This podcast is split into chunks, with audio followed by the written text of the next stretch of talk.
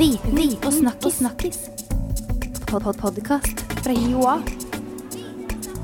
Viten og snakkis. Gratulerer med dagen, Kjersti Thoresen. Tusen takk.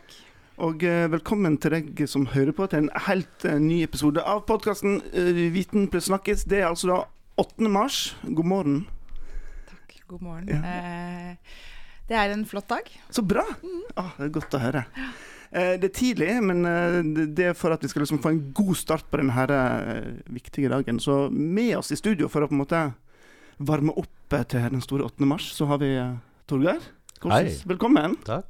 Og Åse Røtting, velkommen. God morgen, god morgen. Du, hvordan er det her med gratulerer med dagen? Skal, jeg gratulere deg, Torgeir, eller Åse? Hvem skal Det er gratulere? kjempevanskelig. Det, er, det faller litt mellom to stoler. ikke sant? Ja. Fordi vi som kollektiv så har vi jo tjent innmari mye på likestilling og, og kvinnekamp og kjønnskamp i det hele tatt.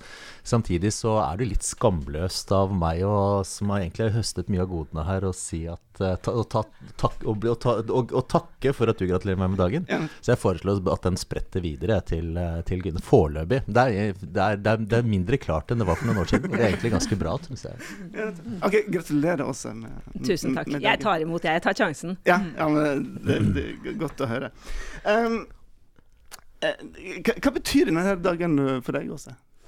Nei, du, det er et godt spørsmål. Det har jeg tenkt mye på siden, eh, siden jeg skjønte at jeg skulle komme hit og snakke om det. Um, og jeg er sannelig ikke helt sikker, altså. Jeg, når jeg tenker tilbake på hvordan jeg, hvilke toger jeg, eller hvilke tog jeg gikk i studietiden f.eks., så tror jeg jeg gikk i flere 1. mai-tog enn jeg gikk i 8. mars-tog f.eks.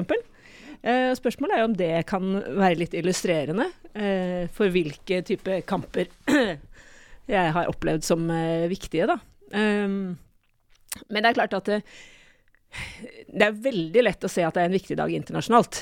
Altså i forhold til kvinners eh, og jenters tilgang til utdanning f.eks., og abortlovgivning i mange land. Og, altså det er utrolig store kamper å kjempe internasjonalt. Men det er jo det er mer komplekst uh, i vår egen, uh, vår egen kontekst. Det er det absolutt. Um, så liker jo ikke jeg så godt å tenke i grupper heller, da. Sånn at kvinner og menn som gruppe er liksom, funker ikke helt eh, bra for meg. så sånn sett så får jeg et lite problem eh, med dagen. Men jeg må jo også si at eh, jeg syns det er interessant å se at dagen i så liten grad eh, framstår som en viktig dag i det norske samfunnet i dag. Altså F.eks. på skolen hvor eh, mine barn går, så skal det være åpent kveld i kveld. Og det er ingen som tenker over at å ja, det er jo 8. mars, nei da kan vi ikke ha åpen kveld. Eh, fordi at eh, da kan det jo hende at foreldrene som eh, blir bedt om å steke vafler, egentlig skulle gått i tog. Eh, og det tenker jeg er ganske interessant, at dagen er ikke en dag som liksom holdes av. Altså de, mine barn skal både i bursdagsfeiring og åpen kveld og alt mulig rart som skjer i dag på 8. mars. Og det syns jeg er ganske interessant. Absolutt. Og det er jo, det er jo åpen dag på både Universitetet i Oslo og her Ja. på Oslo OsloMet. Ja? Og det er også et ganske tydelig signal. Det kunne jo Mm. vært arrangement som kunne vært interessant å gå på, men som da kolliderer med ungdommens søkende til riktig utdanning, f.eks. Mm, Eh, så det er, det er en, snev av bevisstløshet rundt dette Ja. også, som jeg overrasker meg litt. fordi Ja. dette er jo tross alt en veldig innarbeidet dag. Hvis, vi, hvis jeg tar ditt spørsmål, at det liksom blir til deg også, hva betyr den for meg, så er det først og fremst det at i dag ville min morfar vært 115 år gammel. Og det var det med Tø veldig lenge. Han var faktisk ikke særlig begeistret som en, eh, som en øvre middelklasse herre over å ha bursdag på kvinnedagen. Eh, og for meg ellers så har den stort sett bestått av en del irritasjonsmomenter i sånn historisk forstand. At det har vært en dag hvor man kunne komme med påstander som man ikke trenger å underbygge noe særlig grad, og kanskje presentere statistikk om kvinners lønn og kvinners arbeidsbetingelser og, og kvinners omsorgsbyrde som man da slipper unna å dokumentere ordentlig. Og det irriterte meg skikkelig, for jeg syns at det er ganske fjernt fra likestilling. altså. Så uh, for, eh, for, for meg har dagen frem til i fjor vært preget av ganske en sånn snev av irritasjon. Ikke likegyldighet, det er viktig, for det er, en veldig, det er, det er rett og slett en vesensforskjell. Hadde jeg vært likegyldig, så hadde det vært ille. Men det å være litt irritert, det er ganske bra. For det får meg også til å tenke hva dette egentlig betyr for meg, og kanskje først og fremst da hva kvinnekampen har betydd for sånne som meg. Og da når de som ikke har, har, har, video og podkast her, vil se at jeg er en, en hvit middelaldrende herre fra, på dialekten fra, fra østlandsområdet. Eh, høyt utdannet, og jeg er den frieste vesen, det frieste vesen i verdenshistorien. Det er ingen som har, har så store valgmuligheter som jeg har, eller hatt noensinne. Og det er, det er produktet av denne kampen. Så for meg så burde det vært flagging. Eh, og det at jeg ikke gjør det, er, eh, er kanskje litt gammel vane. Eh, samtidig så er 8. mars i år en annen 8. mars enn det var jeg har vært eh, tidligere, rett og slett pga. metoo-kampanjen, som, som har rammet en del sånne som meg litt midtskips. For vi har sett på oss selv ikke som menn, men som bare meg. Det er vårt privilegium. At vi tenker oss selv som helt unike, og at vi rett og slett ikke er kjønn. Altså, og det som angår menn, det angår ikke meg. Det er ingen som, jeg må ikke ta, ta stilling til noe som helst. Det er ingen som snakker på mine vegne. Eh, mens i år så har det har skjønt at selv om jeg opplever det sånn, så betyr ikke det at de kvinnene, og spesielt da studentene som, kvinnelige studentene som jeg omgås, at de opplever meg på samme måte. Og det har vært en kjempevekker for meg. Altså. Mm. Hvordan, eh, hvordan, snakker, eller har dere inntrykk av at menn har, eh, snakker sammen om det som har skjedd i denne metoo-kampanjen? Altså, hvordan eh, oppfatter de seg sjøl, eller sitt, hvordan de blir sett på uh, av kvinner og av samfunnet, liksom. Heldigvis sagt, så er det kjempeforskjeller i det. Eh, noen er ganske irritert fordi eh, det ses på som et, eh, en kjønnskamp, mens det i realiteten er et spørsmål om makt og maktulikhet. Og dermed også vil det smitte over på menn mer, fordi at menn historisk forstand fremdeles sitter i flere maktposisjoner enn det kvinner gjør.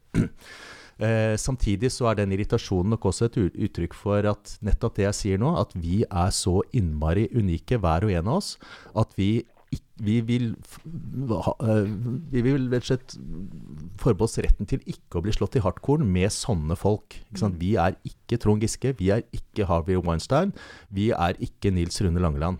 Eh, men det, bare det, de koblingene mellom meg og dem, eller oss og dem, det, det, er, eh, det, det provoserer en god del. Eh, og det er den provokasjonen som jeg tenker på som en ganske fruktbar. Fordi den gir et sånt, et, en mulighet til å se seg selv. Og hva er det ved meg som gjør at jeg kan distansere meg så kraftig fra dem? Og hva er det, hvilke lekser kan trekkes ut av det? Hva er det ved min måte å forholde meg til kvinner på som kanskje kan være en oppskrift for andre å følge? For å være litt uh, bli veldig, veldig, veldig cocky her. Men mm. altså, den, den refleksjonen har veldig mange menn hatt. Og den kan gi seg uttrykk i ydmykhet, og bare innse at ok, her, her må vi ta, nå må vi justere kursen, og vi må sørge for å slå ned på drittsekkoppførsel hos alle. Eh, eller provokasjonen. Det at dette gjelder ikke alle menn. Ikke alle menn. ikke sant, Hashtag, hashtaggen som dukker opp. Og det, eh, det igjen, likegyldighet er eh, det motsatte av hat. ikke sant? Det er det ikke. Det er motsatt av kjærlighet. Eh, det er ikke hatet som er motsatt av kjærlighet. Mens, eh, så, så, det at vi bryr oss, det at vi blir provosert, det skal tas som et sunnhetstegn. Også, hva tenker du om ja, nei, altså, jeg, jeg, er jo enig i det Torgeir sier om at uh, når det stilles opp som en, en kjønnskamp, altså to, to uh, separate grupper mot hverandre, så blir det vanskelig å snakke om både disse tingene og mange andre ting. Og at det er mye viktigere å snakke om, uh, om maktforholdene. Men ellers så følger jeg jo Torgeir helt i, i forhold til hvordan da eh, makt historisk og fortsatt i stor grad er fordelt skjevt mellom kvinner og menn som gruppe.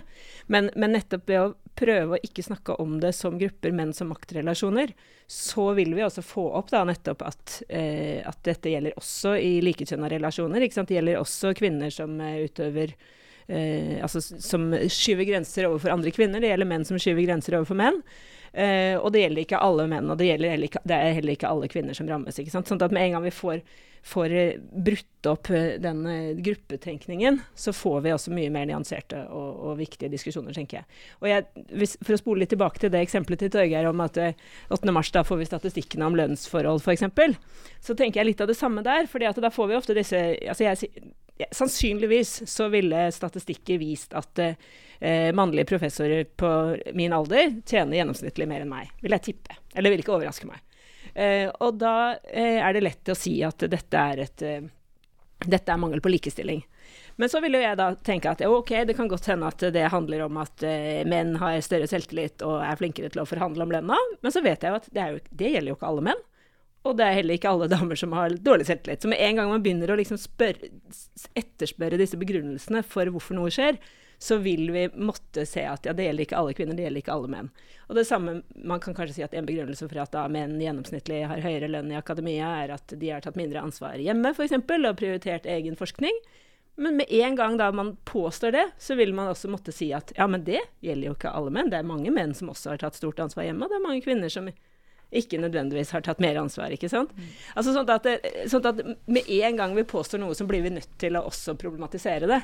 Uh, og det er vel kanskje noe av det som gjør at jeg syns det er nettopp vanskelig på disse dagene når vi får opp disse enkle bildene som da med overskriften 'mangel på likestilling'. Fordi at det er grupper av menn og grupper av kvinner. Det, her, det er noen strukturelle forskjeller, men, men, med en gang vi begynner å, å, å, diskutere forklaringene, så blir det så mye mer komplekst at jeg syns at, at, det, at det kan, dette kan også være en litt sånn en vanskelig dag å håndtere. Eller vanskelig å håndtere den type sånne billige overskrifter, da. Og enkle, enkle tall.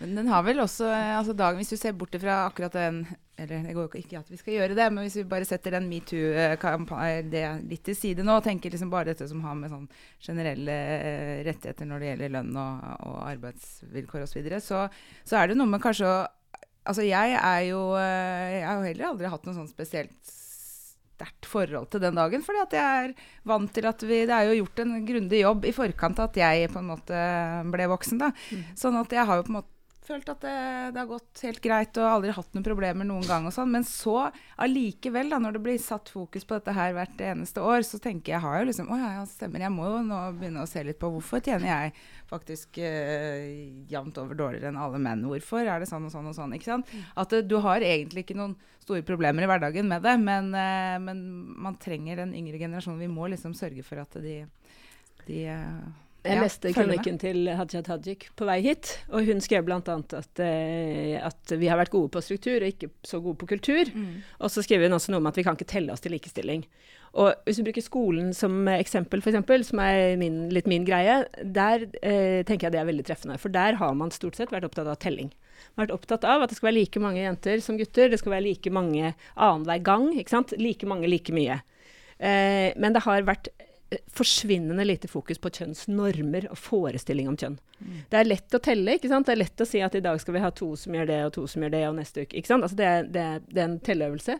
Men det, eh, det, er ganske begrenset hva det kan eh, føre til, tenker jeg. Eh, og det som er veldig interessant nå, er at i skolens, altså føringene for skolens eh, tematisering av kjønn, f.eks., så har kjønn kommet inn, kjønnslikestilling kommet inn i historiefaget som en del av fortellingen om Norge.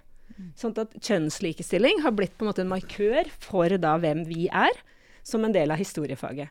Mens når det kom inn opprinnelig på 70-tallet, så kom det inn som en sånn kampsak. Skolen skal bidra til, og, og, til økonomisk likestilling og oppmuntre jenter til å ta utdanning osv. Og, så og det holdt seg liksom utover 80-tallet, men så mot slutten av 90-tallet så eh, framsto likestilling plutselig som en verdi som skolen skulle støtte opp om. Altså Det var ikke lenger noe som skolen skulle bidra til å skape, det var en verdi som, som elevene skulle støtte opp om. Men det har bare eh, tatt utgangspunkt i at kulturendringen er skjedd? Ikke sant? Ja, ikke sant? Og det er det som er kjempeinteressant. Ja. For det, det, dette blir jo en dobbelt... Det, dette er absolutt en del av vår, av vår vår eh, nasjonale mytos. Ja. De, de likestilte, det perfekte samfunn. Urettferdig, selvsagt, men fremdeles mer rettferdig enn resten. Eh, mm. Og så har jeg, jeg jobbet en del i, i eh, kommentarfeltene under de tingene jeg skriver. Eh, og der treffer jeg på en annen fortelling om, som nettopp er basert på det motsatte. Hvor, hvor, den, hvor nasjonsideen er basert på ideen om, er basert på tanken rundt vikingtiden og den iboende norske maskuliniteten, som var litt fortrengt nettopp av mm. likestillingen. Eh, og der har man kan finne sånne ting som fra vikinger til veikinger. Mhm. ikke sant? Eh, norsk innovasjon, norsk næringsliv gjør det så dårlig fordi vi ikke er innovative. Fordi at den naturlige trangen som gutter har til å skape hierarkier, den blir fortrengt av mobbekampanjer i skolen. Dette er et, en e-artikler som dukker opp på sånne sider.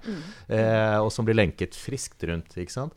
Og hvor, hvor, menn som sitter litt rundt omkring i landet, forklarer sin egen uh, vanskjebne med nettopp dette.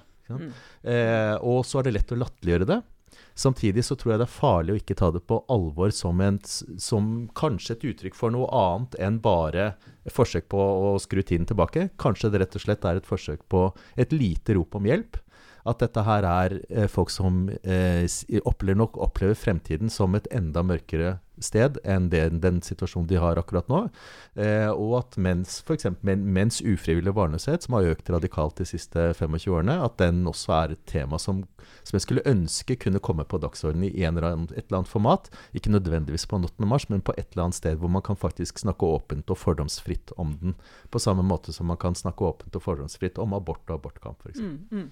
Men jeg mener jo da, tilbake til skolen som case, f.eks., så mener jeg at nettopp i skolen så bør det jo nettopp snakkes om eh, det mangfoldet av muligheter som ligger i å diskutere eh, kjønn på en annen måte enn nettopp kategorier, gitte kategorier, som, hvor det også ligger gitte forventninger. ikke sant? Og sånn at disse, disse guttene som, som du refererer til, de vil jo også kunne potensielt se et større mulighetsrom, da. Hvis det snakkes om kjønn på, Absolutt. på helt nye måter, f.eks. i skolen. Og sørge for at dette blir en tapt generasjon på mange måter. det er litt, litt ja. å si om Mm. Ja. sørge for at de som vokser opp etterpå, Mm. at de er så robuste. Og da må vi slutte å snakke ned gutter. Mm. For det er, en, det er en god del skam knyttet til det å være gutt i skolen. Eh, som vi så i, i forbindelse med debatten mellom Einar Lie og Harriet Bjerrum Nilsen f.eks. i fjor høst, hvor, hvor uh, Harriet Bjerrum Nilsen kunne si sånn at gutter må skjerpe seg. Altså, Hvor ble det av strukturforklaring, liksom? Jenters, jenters, ma, eller, jenters underutdanning ble, det ble forklart strukturelt, mens gutters underutdanning og mangel på suksess i skoleliv det ble snakk om at det var et, det var et individuelt problem som ble skrudd opp på, på, på systemplan. Og det er en sjokker, for meg en sjokkerende blindhet for egne privilegier. Og for kanskje også egen skyld i nettopp å, sky, å, å snakke gutt, og la gutter bli liksom sett på som mann. Liksom, sånn det generelle mann. Og da drukner man. Eller da, da, da, da skygger man for en del av de utfordringene som er knyttet til det å være gutter i et sånt Og dessuten, så i den konteksten, så er det også helt avgjørende å snakke om klasse. Ja. Ikke sant? Altså, det jo, hvis ikke vi gjør det, så er jo egentlig den diskusjonen helt Ja, meningsløs. for deg og meg så tror jeg faktisk det er så implisitt. Eller så selvsagt at vi gjør det implisitt. Og da er det viktig ja. å gjøre det eksplisitt her nå. ikke sant? For dette er nettopp det. Så det er ikke Ja. én mann, det er, det er, og det er ikke én kvinne. Men det er Det er en type på maskulinitetsnormer. ja, ikke sant? Og, det, og det er knyttet til eh, absolutt til klasse, og det er knyttet til bosted og Mm. en del andre indikatorer som, som det er lett å glemme når man snakker om i sånne store Mm. gruppe, gruppe, eller driver med den gruppetenkningen som du går, eh, går i rette med her. Mm. Men du var inne på, hvis vi skal være litt eksplisitte her nå, da, eller enda mer eksplisitte altså Hvis du skal snakke til barn, da, altså i skolen, eller også vi som foreldre snakke til våre barn om, eh, liksom, om, om denne tematikken, hvordan skal vi gjøre det? Hvordan skal vi snakke riktig om gutter og jenter, og hvordan man skal eh, være mot hverandre, og kjønnsnormer, og i det hele tatt? Um, ja, hvor lang tid har vi? Jeg vil ha tre sånne. Ja. Nei, altså, jo, jeg tenker for, Som lærer, da, for eksempel, så tenker jeg at det, det handler jo ikke nødvendigvis om å skulle eh, skape et mangfold som ikke fins, men det handler jo ofte om å se et mangfold som allerede er der, og, og på en måte synliggjøre det. For jeg tror jo at barn er ganske forskjellige allerede. Men at, eh, at i organisering av hverdagslivet, i snakkemåter ikke minst, så opererer man med gutter og jenter som om gutter er like hverandre, og som om er, eh, nei, jenter er like hverandre. ikke sant? Så det er jo det ene, og på en eller annen måte eh, ha et skjerpet blikk for mangfold, og vise det fram, og snakke det fram, og synliggjøre det eh, på smarte måter, da, som gjør at det, at det blir eh, det blir, det blir på en måte anerkjent at det er et stort mangfold. Eh, også sånn på hjemmebane så eh, så vil jeg jo tenke at altså, Forskning viser jo at det, veldig mange foreldre eh, mener jo selv at de behandler gutter og jenter likt, f.eks. De mener selv at ikke de bidrar til kjønnsforming. Og det er jo nettopp den fortellingen som mange eh, blir stående i. At ja, men jeg har jo oppdratt begge likt, og likevel så blir de så forskjellige. Ikke sant? Eh, men da viser jo også forskning at det er mye mer subtile eh, kjønnsforventninger knyttet til språkføring, og, og, hva, og ikke minst hva man oppmuntrer og, og bemerker hos barna sine, f.eks. Eh, eh, ja. Altså ja. Jeg vet ikke helt hvor, hvor personlig jeg skal bli. Torgeir, hva gjør du? Men jeg vil i hvert fall ikke være personlig. Jeg vil bare være prinsipiell. Ja, nei, men hør da. Jeg, for et par år siden, jeg har to barn, og for et par år siden så satt de i baksetet, og så kommer det fra hun minste, som da var eh, Hun var vel da kanskje seks, da. Så sier hun, vet du Mamma, hva var det? Det var en gutt som trippet over gata.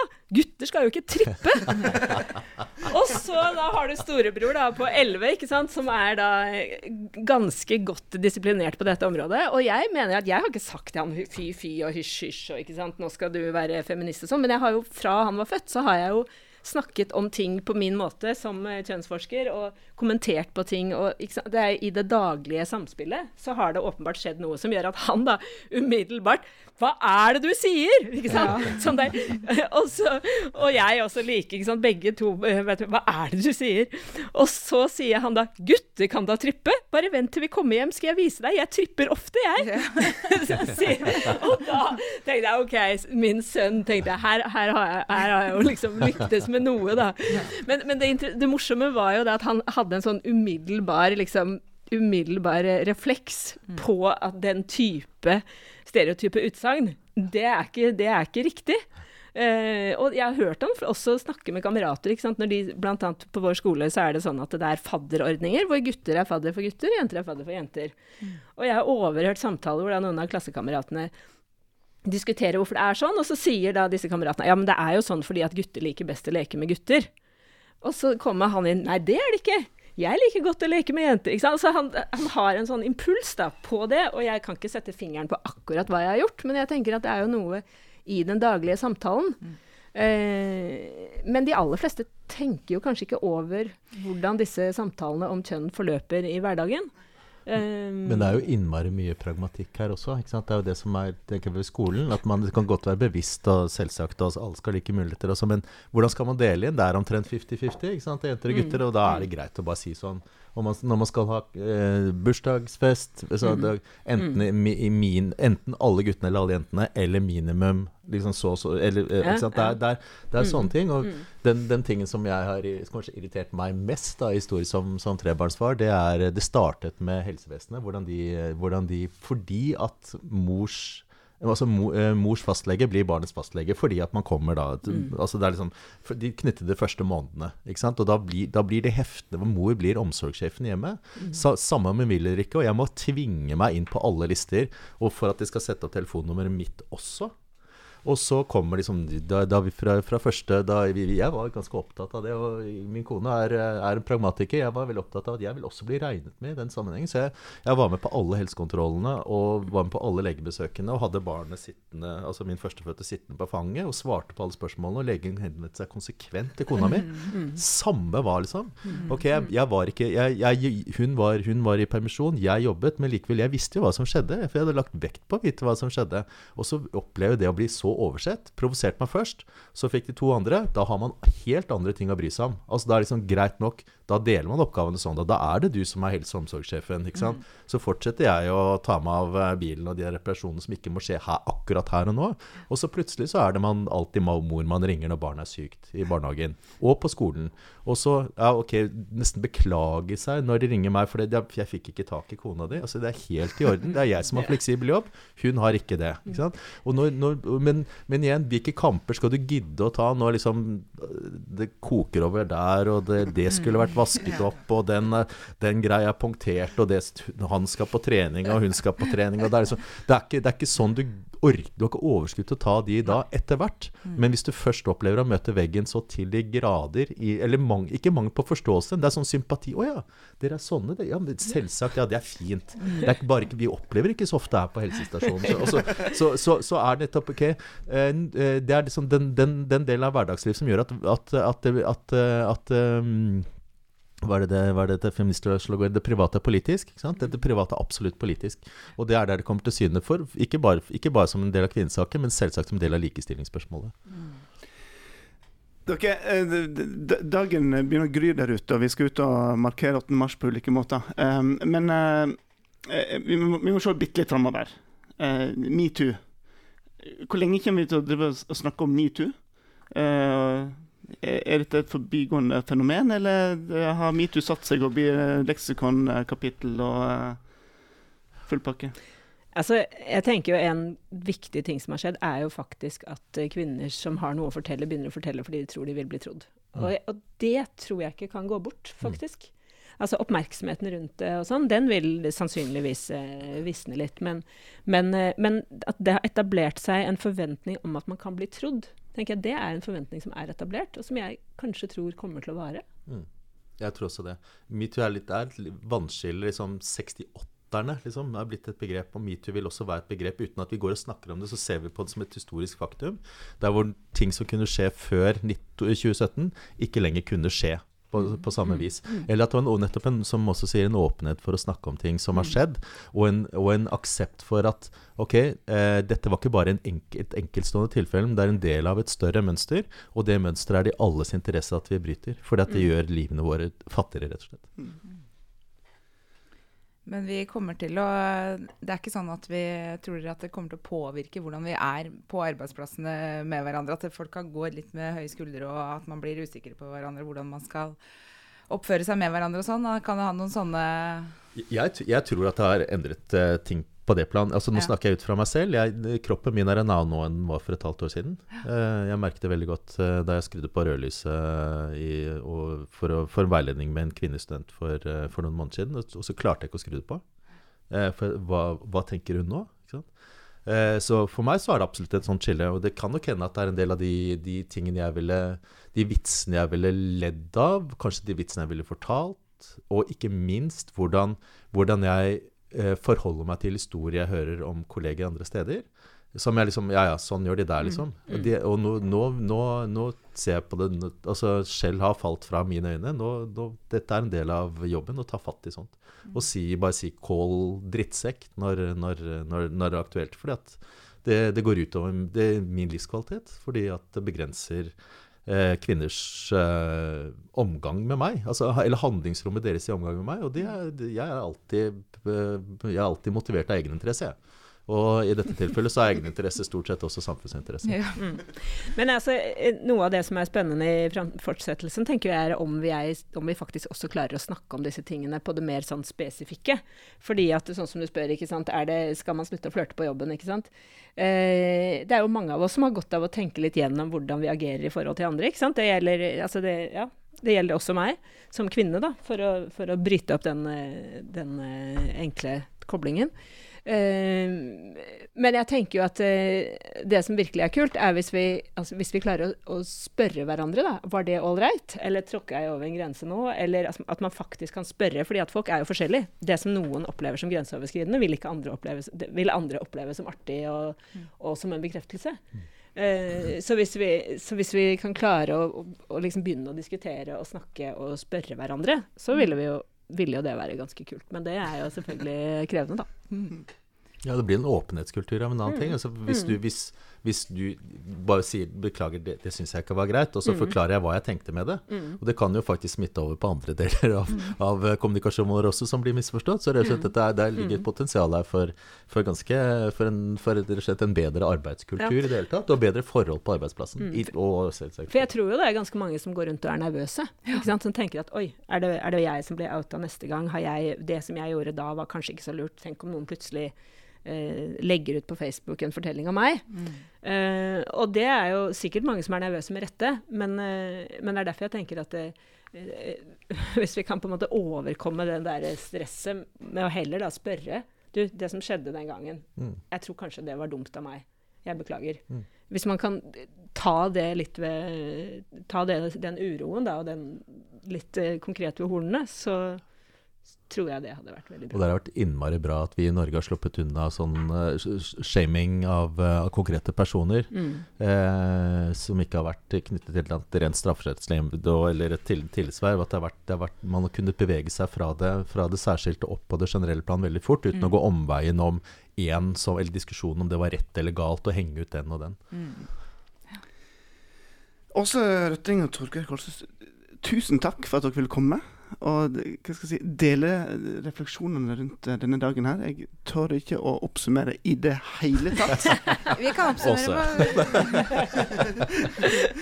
at vi alle skal leve, tenke og snakke og gå våre egne veier som det skulle være den naturligste ting i verden. Å være hyggelige og greie og gode med hverandre. Det er vel egentlig det vi skal gjøre uansett. Og ingen er frie før alle er frie. Nei.